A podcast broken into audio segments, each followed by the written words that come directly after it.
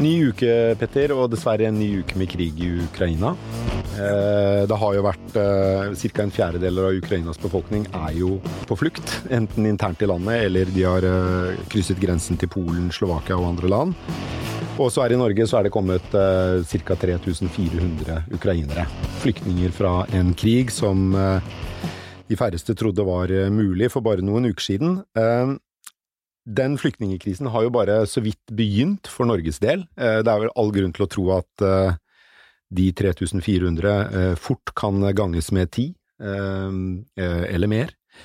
Og vi har i studio så har vi to stykker som er viktige for å sørge for at ukrainske flyktninger har en en plass å komme til som er trygg og god, og hvor de kan kjenne på en ny slags normalitet i livet sitt. Uh, til tross for uh, utrolig krevende omstendigheter. Og det er uh, dere, Bernt G. Apeland, generalsekretær i Norges Røde Kors, og Anniken Hauglie, viseadministrerende direktør i NHO. Velkommen til dere. Tusen takk. Takk for det. Bernt, du kom ganske nylig fra Ukraina, stemmer ikke det? Ja, jeg var i hvert fall på grensen. Og på grensen. Ja. Ja, og vi er jo altså, La meg starte med å si at de som har det aller verst nå, det er de som ikke kommer seg noen steder. Eh, de som sitter inne i Maripol og, og Odessa og andre byer som nå er beleiret og bombes eh, kontinuerlig. Eh, og det er der på en måte den aller viktigste jobben må gjøres, men, eh, men, eh, samtidig så er det helt riktig som du sier, en fjerdedel av Ukraina, altså ti millioner mennesker, er på flukt. Eh, fire millioner har klart å passere grensen, seks millioner er fortsatt inne i Ukraina og vil antageligvis etter hvert komme til å passere en eller annen grense. Og Det som er uh, veldig spesielt i denne situasjonen her, er at uh, det er stort sett kvinner og barn som kommer. Uh, vanligvis så ser vi jo unge menn og vi, vi, vi ser liksom store familier, men nå er det kvinner og barn som har forlatt sine hjem brått og brutalt, og forlatt sine sønner og sine fedre. Så det er veldig, veldig hjerteskjærende å stå der og se den strømmen av mennesker som kommer gående over grensa nå. Hvordan eh, vil du beskrive Hvordan har de det når de kommer over grensen? Ja, det er veldig rart, altså, for du har disse små barna sant, som på en måte ikke kanskje skjønner helt alvoret, som kommer hoppende og sprettende eh, over grensa. Og så kommer de liksom litt eldre barna, tenåringene og mødrene, og gjerne med kanskje en litt syk mor også med seg. Eh, og der ser du alvoret eh, i, blikket. Samtidig så er det også sånn at eh, vi er jo der fortsatt at de som kommer, har jo ikke noen eh, tanker om at de skal bli eh, utafor Ukraina veldig lenge. De har en drive og en, et adrenalinsjokk som de på en måte går på, og er fulle av driv til å på en måte Nå skal vi være her nå, litt, grann, og så skal vi tilbake. Mm. Og det er det vel uh, felles for de aller, aller, aller fleste som kommer over grensen, er at de har lyst til å komme seg tilbake til Ukraina så fort som overhodet mulig. Ja. Men vi har gitt dem, eh, vi har gitt dem midlertidig opphold. Kollektiv midlertidig kollektiv beskyttelse, ja. Sånn at de har jo eh, rett til å få opphold i Norge og jobbe i Norge og leve som eh, nordmenn fra omtrent den dagen de krysser grensen og er registrert i, i, i norske systemer. Mm. Anniken, du var jo kommunalminister under flyktningkrisen fra Midtøsten sist, stemmer ikke det? Ja, arbeidsminister i 20, mm, 2015 til 2020. Hvordan eh, vil du, eh, basert på den erfaringen du hadde den gang, beskrive den flyktningkrisen sammenlignet med den vi ser nå? Altså, klart den, den, var jo også helt uh, massiv. Uh, man så jo hvordan de strømmet over uh, alle grenser, og til slutt så hadde man jo også hvordan man klarte også å komme over Norskog ikke sant, med sykler. Det var en annen flyktninggruppe også, men det var jo nærmere 30 000 som kom. Ehm, det er klart at eh, det er en helt annen gruppe som kommer nå, da. Eh, så, så, mm, kan, det er, kan, det som er, utfordringen, er på å få stablet på beina systemer som jobber raskt nok til å få innlosjerte i det trygt hjem. De skal kompetansekartlegge, altså skal, Først skal de selvfølgelig få helsehjelp for de som trenger det, de skal kompetansekartlegges, de skal liksom inn i det norske systemet, som ofte kan ta litt uh, tid. Nå ser det ut som om myndighetene klarer å jobbe faktisk enda raskere, at man har fått på plass noen sånne systemer som gjør at UDI fatter vedtakene raskere. Eh, mange er allerede faktisk klare til å gå rett ut i jobb allerede i dag, og det er jo ganske raskt eh, etter at de mm. kom, tross alt, da. Mm. Så, men, men det, er det, som, det er noen ting som slår en nå, da, når man ser på denne konflikten. Det ene er selvfølgelig grusomhetene i russisk aggresjon, hvor man nå altså, jevner eh, byene med, med, til jorda, ikke sant. Eh, det andre som slår en, er jo den kampviljen. altså Mens da, eh, mens da tidligere kriger så har jo da på en måte mannfolka reist ut, så er det nå mannfolka blir bedt om å bli igjen og, og slåss, mens damene og, og, og barna sendes ut.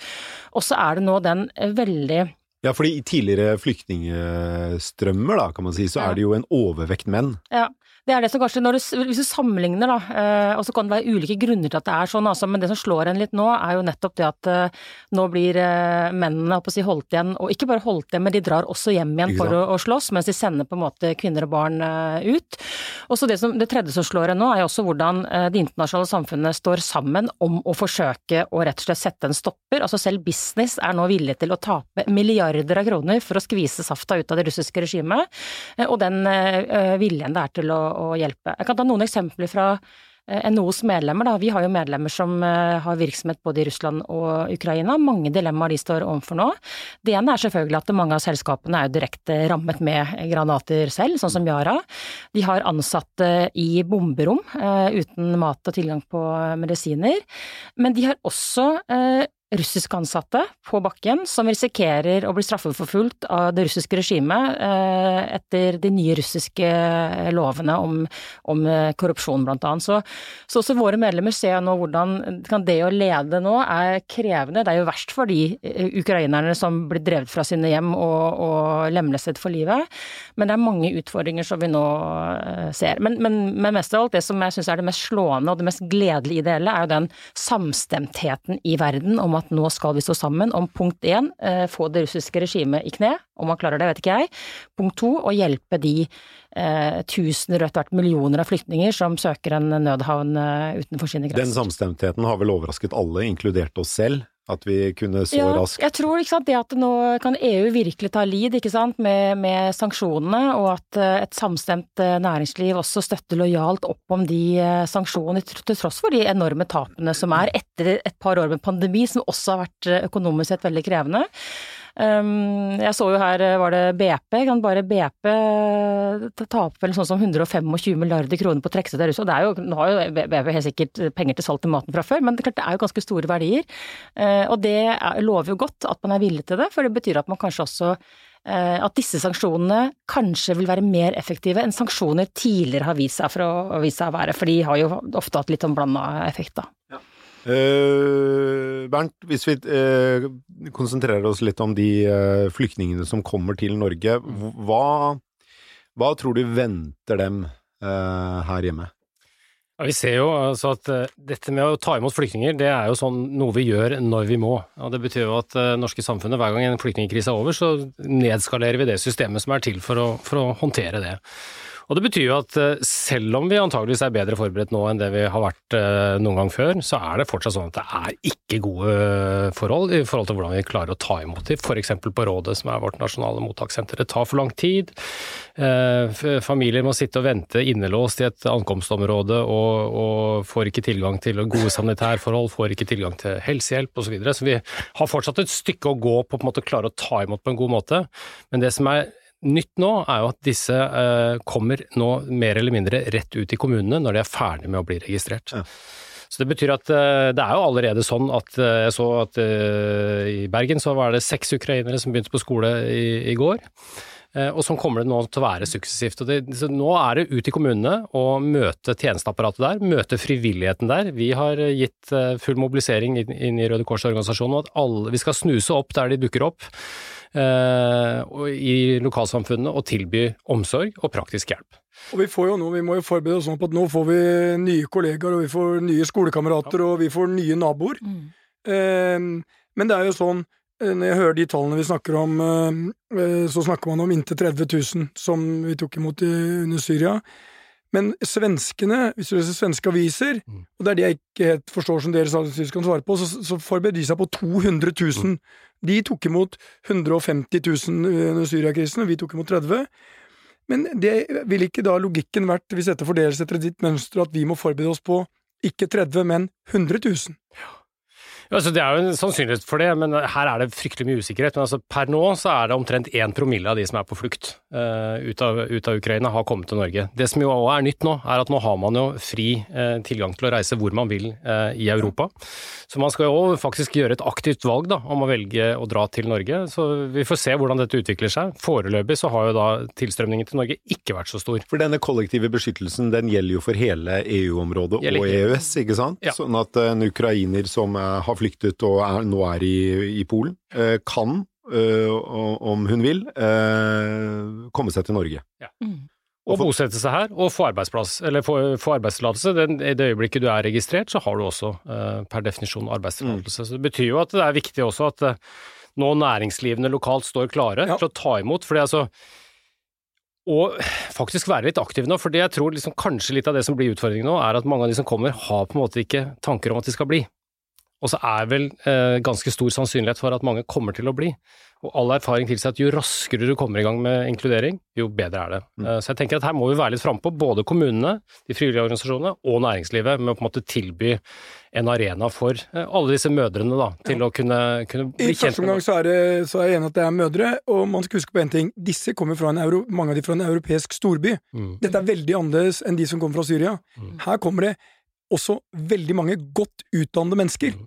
Um, som kan bli en del av det norske samfunnet og være produktive og få en inntekt og betale sin skatt mm. i løpet av ganske kort tid.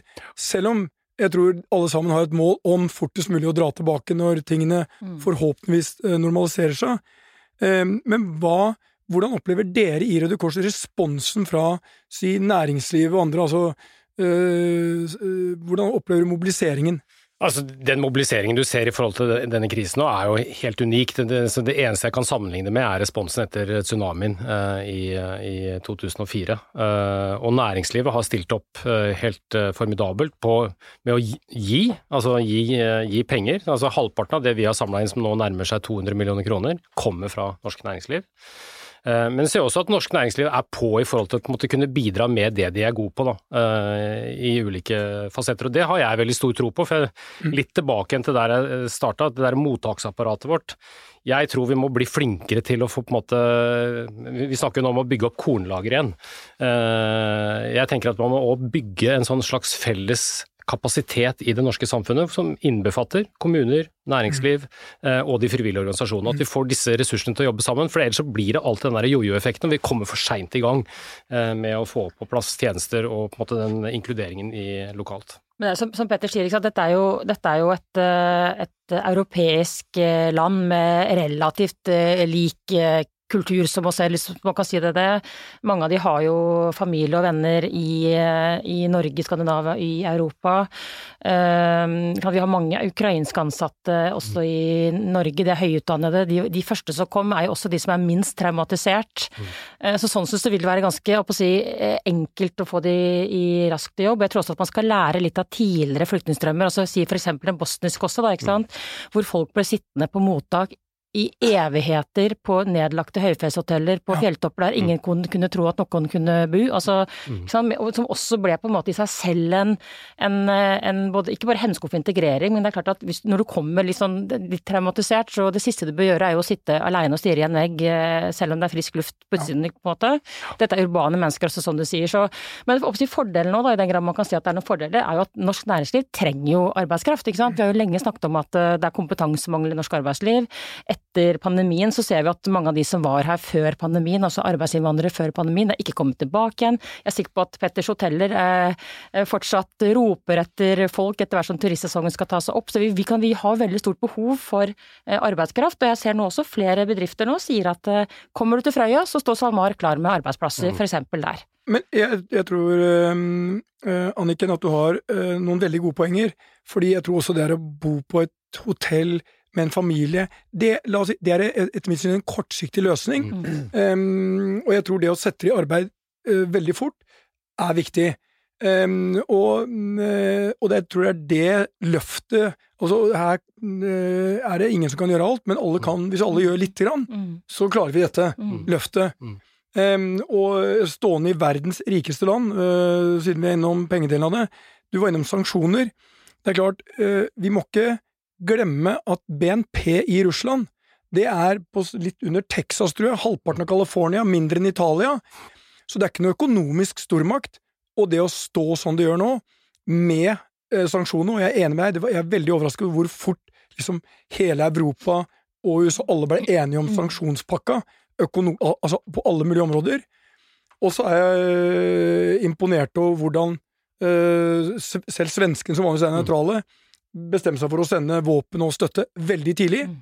Så etter hvert kom Norge etterpå. Men så, jeg tror liksom alt det som skjer nå, dynamikken i krisen, er i ferd med å endre seg. Problemet rundt det er at det kan også bli en stillingskrig som blir mye lengre mm. enn det vi hadde sett for oss. Mm. Og da bommer man jo, som du sier, Mariupol, tilbake til steinalderen, mm. sånn det ser ut nå, mm. som er en tragedie. Mm. Så jeg ser bare sånn, og det er, det er ikke at dere skal gi svar her, sånn, men hva kan bli enden på dette? Hvordan skal dette slutte? Mm. For hvis du graver liksom Russerne graver seg ned på den ene sida og utafor Kiev, da, og mm. så gjør ukrainerne inne der, og så blir man stående mm. der. For da blir jo ikke denne flyktningekrisen et midlertidig fenomen, da kan det bli et mm. langsiktig fenomen. Ja, altså Jeg er blant de som ikke har trodd at pandemien kom til å endre verden spesielt mye. Eh, kanskje på noen områder, men jeg har liksom tenkt at eh, pandemien, selv om det virker veldig altoppslukende, så tror jeg basically man vil gå tilbake igjen til eh, en slags normal. Jeg og der har du fått rett. Ja, ja. Og, men, men, jeg tror faktisk at uh, denne konflikten her kanskje er blant de konfliktene som kommer til å endre verden mer enn andre konflikter på veldig mange områder. Dels fordi at uh,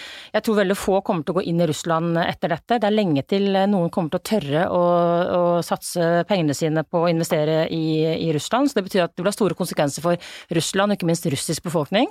Det kommer til å ha store også, uh, endringer for Europa. Altså Europa, Europeere kommer ikke til å tørre å gjøre seg avhengig av, eller fortsette å være avhengig av russisk olje og gass. Så det kommer til å skje enorme endringer på energiområdet f.eks. Så jeg tror faktisk at dette er en, en, konflikt som kommer til å endre mer. Svenskene diskuterer eh, Nato, Finland diskuterer Nato. Selv SV har begynt å diskutere om Nato kanskje har noe for seg. Eh, kanskje burde vi også begynne å diskutere EU-medlemskap, for å si det sånn. Altså, kan, nå ser man verdien av forpliktende internasjonalt samarbeid og risikoen ved å stå alene. Så jeg tror faktisk at dette er en konflikt som kommer til å kanskje endre eh, verden mer eh, enn en andre konflikter, rett og slett fordi at man ser at Ja, og, og flyktning altså, og kan, Mange nå av de som reiser, reiser ut av Ukraina, de bosetter seg på, eller nærme grensen. De tror de skal hjem ganske raskt. Mm opphoping på polske togstasjoner. Sannsynligvis det farligste stedet for ukrainske kvinner å være for tiden. Er mm. sannsynligvis på polske togstasjoner, for der er det mange som ikke har gode hensikter som eh, kommer. Men det er klart at det som de etter hvert kommer til å oppdage, er jo det at eh, de kommer ikke til å kunne reise hjem på veldig, veldig lenge. Eller byen de bodde i er jevna med jorden. Mm. Det kommer til å ta lang tid å få eh, bygd opp. Så derfor skulle jeg også ønske at kanskje eh, man kunne vært mer aktiv overfor polske myndigheter og andre om å få rett og slett flyktningene hit. For altså, Polen kommer ikke til å klare mm. å håndtere denne flyktningstrømmen alene, fordi det kommer til å vare så lenge. Eller Moldova, som er Moldova. Altså, ja, ja. Europas fattigste land, ja. har tatt imot 350 000 nå. Ja, så jeg skjønner, Etter hva jeg forstår på myndighetene, så kan ikke de bare reise til Polen og hente folk, og det forstår jeg veldig, forstår jeg veldig godt. Men på den annen side så, så, sier det seg selv at Polen kan ikke ha liksom, millioner av mennesker boende i Krakow og på grensebyene. Da kommer det til å kollapse. Mm. Det kommer til å føre til sosial uro, og det kommer til også blant polske befolkningen kanskje til å få reaksjoner fordi også samfunnet rundt dem kommer til å svekkes. Ja, for det, jeg tenker det med stamina nå tror jeg er på en måte helt avgjørende både i Polen, men også her hjemme i Norge. For det er som du sier, dette kommer til å Uansett scenario, så kommer dette til å bli langvarig. Eh, og det enorme engasjementet vi ser nå, og den rausheten vi ser nå, det må vi klare å holde på. Eh, ikke bare én uke og ikke bare én måned, men det må vi klare å holde på et år, kanskje to år, kanskje, kanskje for, uh, i mange år. Uh, og så er det jo sånn at uh, det er som du sier, men altså i utgangspunktet så må jeg jo si, som har sett ganske mange flyktningkriser opp gjennom tiden, altså her har det kommet fire millioner mennesker i løpet av fire uker. Mm. Og i all hovedsak så har Polen i veldig stor grad klart å absorbere det på en ganske forbilledlig eh, god måte. Så har de ikke bedt om hjelp ennå. Eh, de, har de har jo ikke ønsket det ennå.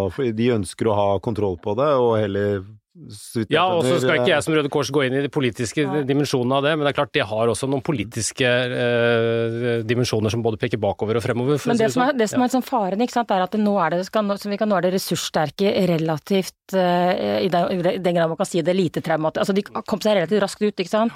Og etter hvert nå så vil det komme mer og mer traumatiserte mennesker ut av Ukraina, som har opplevd mer og mer. Eh, og etter hvert igjen så kommer også de krigsskadde ektefellene og sønnene og, og brødrene til å komme. sånn at kan nå på en måte måte har vi de som er på, si, ganske enkle å absorbere. Etter hvert så blir det tyngre og tyngre, og det er det vi må begynne å forberede oss på nå. De kommer til å kreve mer av oss, eh, og da mm, De kommer til å kreve mer av oss på alle områder. Altså, jeg, jeg, mm, hvis denne krigen blir langvarig, noe som mye tyder på at den gjør, så kan vi sikkert legge til grunn at de fire millionene som er kommet over grensen nå, fort blir både fem mm. seks og syv og åtte. Mm. som jo i mitt enkle hode eh, gjør at jeg kan ikke forstå at vi kan snakke om 30 000 som et realistisk nivå. Jeg tror heller 100 000 er eh, mer realistisk, og kanskje det også er urealistisk, hvis vi mm. skal liksom tenke over Langen, at vi må forberede oss på å motta kanskje et par 300 000 ukrainske flyktninger over tid. Mm. Eh, og så vil jo sekundæreffekten av denne, eller eh, hvilket rekkefølge det er på, en av effektene av dette vil jo sannsynligvis bli uro også i andre regioner, ved at råvareprisene på mm. mat eh, og energi øker så kraftig, eller, eller, går til de som er villige til å betale mest for det, og har råd til å betale mest for det. Mm. Og, sånn at du kan fort få en ny flyktningkrise fra Midtøsten, midt oppi at Europa skal håndtere eller Afrika, hvor mye av kornet i Ukraina, mm. Ukraina går jo Ikke sant? Ja. Og, og hvor, er, eh, hvor, står vi da, hvis vi har tatt imot kanskje 200 000-300 000 ukrainske flyktninger over eh, et år eller to, og så men, men det du sier der Hvor er solidariteten? Ja, hvor er, det, det, og det kan sikkert uh, Bernt svare på. Mm. Altså, Mesteparten av korn i Ukraina, sånn jeg har forstått det, går til Afrika. Eller mye går til Afrika. Mye går til World Food Program, så ja. da deler det ut. Det er Afrika. Ja. Hvis det stopper opp, mm. hva kan vi få en hungersnødsituasjon mm. i deler av Afrika, som igjen leder til at de flyktningstrømmene vi har sett tidligere, det er ingenting i forhold til det vi kan få? Ja, det kan jo det. Nå er vi jo på, på, på en måte spekulasjoner, men det er klart at hvis du går til Afrikas Horn, så har jo egentlig befolkningen der levd i en konstant hungersnød siden 2011. Den eneste grunnen til at det ikke er en hungersnød, er at FN og det internasjonale samfunnet faktisk klarer å opprettholde et eksistensminimum. Ja. Uh, og det er veldig sårbart. Uh, og egentlig hele Sahel-beltet er veldig, veldig sårbart. Uh, så har det ikke vært tradisjon for at det har vært voldsomme flyktningstrømmer fra Afrika og, og til Europa, men ja, det er definitivt eh, en mulighet som vi må forberede oss på. Som jo betyr jo at vi kan ikke se oss blind heller på denne katastrofen. Vi er Nei. nødt til å klare ikke sant? Altså Afghanistan, 95% av Afghanistans befolkning får ikke nok mat. Uh, og, og, så tror jeg vi står også overfor et uh, ganske betydelig etisk dilemma hvis det skulle skje, fordi vi ga kollektiv beskyttelse til ukrainerne. Hvorfor skulle vi da ikke gjøre det for de som kommer fra Afghanistan eller Syria eller Marokko eller andre steder, og inn i Europa? Det er jo i, i seg selv en, en uh, Ja, hvor vi kanskje ikke helt liker svarene vi må gi, da. Ja. Men så tenker jeg det blir jo veldig fort veldig, veldig mørkt og, og, og, og gloomy dette her. Men jeg tenker, dette er mørkt og gloomy. Jo, men jeg tenker det som er litt viktig å huske på, da, er jo at faktisk så ser vi jo at Europa ja. manner seg opp og håndterer mm. dette her. Mm. Og, det, og, tenker at og liksom, systemene våre klarer faktisk å håndtere dette her. Og Det tror jeg skal holde fast ved at ja, eh, det kommer til å være ganske krevende tider, sannsynligvis i ganske mange år framover, internasjonalt og i Norge. Eh, men vi er i stand til å håndtere det. Og det tror jeg på en måte bare er viktig å holde fast ved. Ja. Men, men, og det, det, kommer man til å klare, men, men, man må ikke tro at det skjer av seg selv. Altså. For det er klart at når man nå f.eks. skal eh, gjøre seg, eller redusere russisk gass med to tredjedeler innen dette året i Europa, mm Eh, så man, altså man, frykter jo nå i Europa resesjon, mm. eh, også i Tyskland. Og det er klart at hvis Tyskland, Europas motor, som har båret all verdens problemer nå siden murens fall og før det, også skal gå inn i en resesjon, så sier det seg selv at det kommer til å være ganske krevende på mange områder. Og matvaremangelen, den advarte man jo også mot før Ukraina, fordi prisen på kunstgjødsel var blitt så høyt at, ikke, at ikke fattigland hadde råd til det. Så, så, her er det mange ting som henger sammen, eh, og det kommer til å kreve veldig mye innsats og investeringer fra veldig mange over lang tid. Og klarer man ikke å få til det, så, så går vi en enda alvorligere tid i møte. Men jeg er for så vidt betinget optimist på at, at, når det er så ille som det er, så fordelen med det er at da vil alle gode krefter gå sammen ja. Om å forsøke å finne løsninger. Og det er, det er, på mange måter, for det er en del ting som kommer til å skje sånn. Jeg tipper at Europa, uten at uh, dette er et område jeg kan veldig mye om, de kommer til å jobbe for å bli mer selvstendige, mindre mm. avhengig av både USA og andre. Mm. Altså Europa kommer til å stå mer samlet. Mm. Uh, og det er sånn uh, jeg, så jeg ser det er en del ting ut av dette, og det du snakker om, det, det som kommer i Europa nå, er jo ny fornybar energi mm. i, i, et omfang vi aldri har sett mm. tidligere. Uh, og det kommer til å komme fort. Um, så du skal ikke se bort fra at uh, den resesjonsgreiene Ja, men det skal investeres enormt for å uh, bli mer selvforsynt i Europa. Ja. Og Og jeg tror det kommer på alle områder. Ja. Ja, og den investeringsviljen kan jo veie opp for det vi ser av økte priser og, og resesjon. Men jeg, jeg For her kommer, her kommer jo øh, altså, øh, Europa, altså EU, statene kommer til å bruke statsfinansene til å være med og skaffe den uavhengigheten som vi aldri har sett. I tillegg til privatkapital så kommer også masse annen kapital inn. og istedenfor å investere i russisk olje og gass, så kanskje man kan investere i soler i Afrika, for Ja. eksempel. Så det er jo muligheter til, det kan jo åpne seg opp noen muligheter også. Men eh, ja, jeg tror jo at eh, eh, for vårt eget beste, og ikke minst for ukrainske flyktningers beste, så bør vi rigge oss og ta de beslutningene vi må ta for mange år fremover, ganske raskt. Mm. Før uh, vår motivasjon og vårt samhold og uh, investeringsviljen forvitrer, uh, i tråd med bildene fra sosiale medier fra krigen i Ukraina. For det kan jo fort bli sånn at Ukraina blir bare et eh, veldig stort Donbas eller Lukansk, hvor det pågår kamper og det dør mennesker daglig, men eh, vi legger ikke lenger merke til det, og det kommer en pandemi eller en annen krise som oppleves som mer akutt. Og, og, og borte er det samholdet og den eh, viljen til å, å føre til varig endring eh, for alltid. Mm. Eh, og russiske eksportinntekter er vel trolig høyere nå enn de var før krigen begynte, nettopp fordi de eksporterer gass, så eh, rørene er sprengfulle Ja, av gass. de rørene, de rørene går kun i én retning. De går, i all, øh, øh, de går mot Europa. De går mot Europa. Og det er problemet deres. Så det er sånn Men jeg er mer optimistisk enn deg, Per. Ja, det er du jo alltid, da, heldigvis. Ja, eh, men jeg tror fin at egenskap. det er sånn alle kriser vil føre til endring, Mm. og jeg tror den endringen vi har sett, ikke bare samholdet altså Jeg er jo enormt stolt av at Jens Stoltenberg står og hvor klar han har vært. Mm. Eh, altså, Som nordmann må du være stolt av den jobben han har gjort. Men hele EU-systemet har overrasket meg. Mm. Og jeg må innrømme at jeg har ikke vært en av de som har øh, vært stor fan av EU, men akkurat nå Mm. ser jeg hvor viktig det er. Mm. Eh, så jeg er mer optimist enn deg på hva dette vil utløse også. Mm, Eh, ja.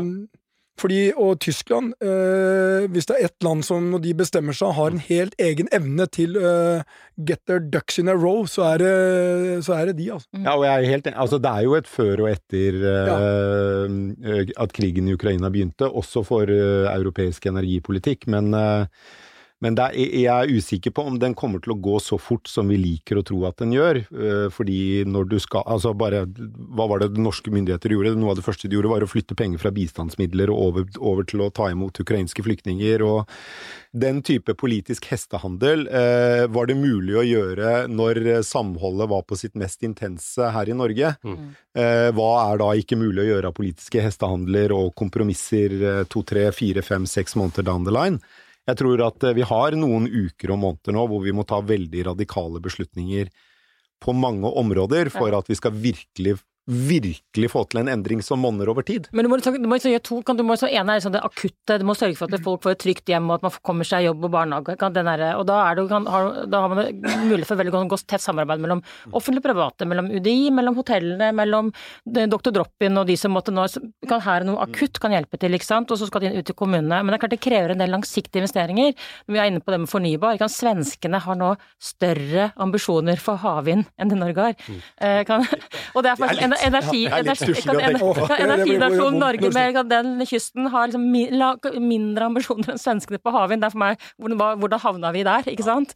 Eh, man snakker om å gjøre havvind til eksportnæring, men samtidig så skal du bare ha en kabel inn til land, til Norge. Så, så man må liksom Når, når tyskerne i løpet av 24 timer gikk fra å være vel tilbakeholden på forsvar til å plutselig bli en forsvarsledende, eh, så må vi også kunne klare å snu oss litt kjappere rundt på Men, men investeringene. det, dette er jo de tingene jeg mener kommer til å utløse altså enormt med investeringer. Og Norge, Mm. hvis ikke vi klarer å håndtere dette Altså bare ekstrainntektene vi nå får øh, ved at oljeprisen er i 120 dollar, er helt enormt. Og det du snakker om, Per, er jo flytting av øh, med all respekt, små penger i forhold til de Ja, hundrevis av milliarder Ja, ja, vi nå får i ekstrainntekter. Mye som følge av krisen. Men jeg, jeg tenker, jeg, vi, vi, på, vi, må snart runde av, Petter. Men jeg tenker om, om, det er noe Norge kan bidra med, så er det i hvert fall å ta imot langt flere flyktninger fra Ukraina, og gjerne også fra andre deler av verden som rammes indirekte av denne krisen mm. i årene fremover, fordi vi har råd til det, og fordi vi, vi trenger alle de folka vi kan få. Og det andre vi kan gjøre, er å gasse opp noe kraftig, gasse opp, det var på vindkraftsatsingen vår. Eh, det er i hvert fall to bidrag vi kan gi til flyktningkrisen og energikrisen i Europa på, på kort tid. Og så må vi se på også at det er eh, et element der de menneskene som kommer nå, er, mange av de er ressurssterke. Mm. Vi kan, sette, vi kan, få flere hender i arbeid. Mm. Og det på litt sikt kan det, må vi også se på at det kan være positivt for Norge mm. hvis denne krisen skulle vare lenge. Bernt, vi gir deg det siste ordet i denne. Ja, fordi jeg tenker at vi må, på en måte, Norge må ta et ansvar for å hente også de som på en måte ikke er ressurssterke. Mm. Er liksom, når denne krigen går videre, så vil det være mange mennesker som har stort behov for støtte og hjelp. Det må vi bidra med. Og så tror jeg i forhold til det der på en måte å klare å holde engasjementet og positiviteten oppe i samfunnet, så tror jeg vi skal lære litt av den måten helsevesenet har håndtert pandemien på. En åpen, eh, fordomsfri dialog i det offentlige som gjør at vi kan eh, både lufte tro og tvil eh, om de utfordringene vi kommer inn i, for det kommer mange. Det tror jeg vil hjelpe på, på å klare å holde det engasjementet litt mer enn én en uke eller to måneder. Vi håper det, Bernt. Tusen takk for at dere kom i studio. Bernt G. Apeland, generalsekretær i Norges Røde Kors, og Anniken Hauglie, viseadministrerende direktør i NHO.